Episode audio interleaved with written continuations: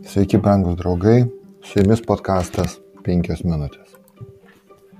Egiptas, į kurį Jozap, Jozapas buvo parduotas, galėjo būti, kaip sakytume, šiandieną to meto supervalstybė. Aukšta kultūrinė, politinė ir ekonominė šalies besidriekiančios palei Nilą raida visiškai prieštaravo kananiečių miestams valstybėms.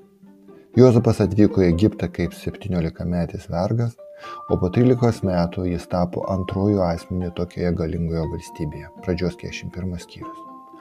Dievas jį paskyrė atsakingu už to metų sėkmingiausią ekonomiką pasaulyje. Septyni metai gausaus derliaus ir sėkminga Jozapo politika, nukreipta išsaugoti derlių busimam naudojimui, padarė Egiptą tikrai puikia šalimi. Tada, tada atėjo septyneri bado metai, apėmė ne tik Egiptą, bet ir visas aplinkinės šalis. Būtent viešpaties numatytas badas tapo ta aplinkybė, kuri ne tik atstatė Jokūbo šeimą, bet išgelbėjo ją nuo vis didėjančios bjaurios kananiečių stabilystės įtakos. Jokūbas ir jo šeima rado laikiną prieglobstį Egipte. Ganyklomis turtinga Gošeno žemė buvo ideali gyvulininkystė ir tapo naujais gimstančios Izraelio tautos namais. Tuo metu, kai Juozapas valdė Egiptą, Izraelis gyveno labai gerai. Mes esame tokie, kad patirdami sunkumų tikime ir tikimės, kad taip viskas nebus visada ir ateis džiaugsmo laikas, kai tai pasibaigs ir mes net pamiršime savo sunkumus. Bet kai tik atsidurime ramaus gyvenimo sąlygomis, kažkodėl pradame galvoti, kad taip vis bus dabar visada. Žvelgiant iš šio pasaulio požiūrių, neprotinga atsisakyti civilizacijos teigiamų privalumų ir tas arba tie, kurie savo norų palieka aprūpintą ir klestinčią šalį, norėdami persikelti į Elkio kamuojamą šalį, greičiausiai bus laikomi neprotingi. Taigi Izraelis neturėjo jokio pagrindo palikti Egiptą mažiausiai 70 metų, ypač kol Jozapas buvo gyvas. Deja, Juozapas mirė dar gyviem esant savo broliams, tačiau prieš savo mirtį jis paliudėjo savo tvirtą tikėjimą dieviškojų pažadų duoto Abromui prieš 275 metus, kad jo palikonis bus svetimi šioje svetimoje šalyje, o ketvirtoje kartoje jie grįš į Kananą. Pradžios 50 skyriuje 22 eilutė skaitome. Jozapas pasiliko Egipte draugė su savo tėvų šeimyną.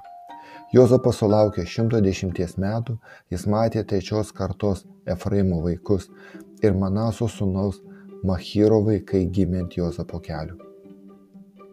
Kai Juozapas laikint savo ranko savo pronakį, jis matė jame išėjimo išsipildymo pradžią. Suprasdamas, kad jų gyvenimo pabaiga arti, Juozapas parodė tvirtą tikėjimą, kad išsipildys Dievo pažadas apie išėjimą. Jis prisagino brolius, kad kai Dievas atves Izraelį pažadėtąją žemę, jie turės nugabenti ir palaidoti Jozapo kaulus.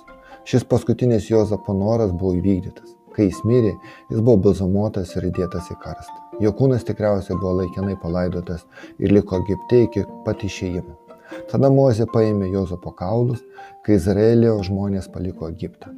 Ir Jozoje palaido juos Šicheme, to sklypo lauke, kurį Jokūbas asmeniškai padovanojo Juozapui.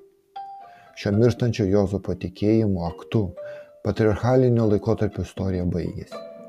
Laikinas Jozapo kapas Egipte izraelitams nuolat priminė Dievo pažadus, kad jų nuolatinė tėvynė turėtų būti ne Egipto žemė, bet Kananas. Paulius sako, kad viskas, kas nutiko Dievo tautai kelyje iš Egipto į Kananą, mums yra tam tikras provaizdis mūsų kelių į dangišką žemę.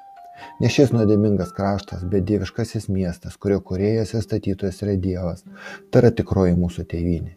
Į jį ir mes turėtume nukreipti tikėjimo žvilgsnį.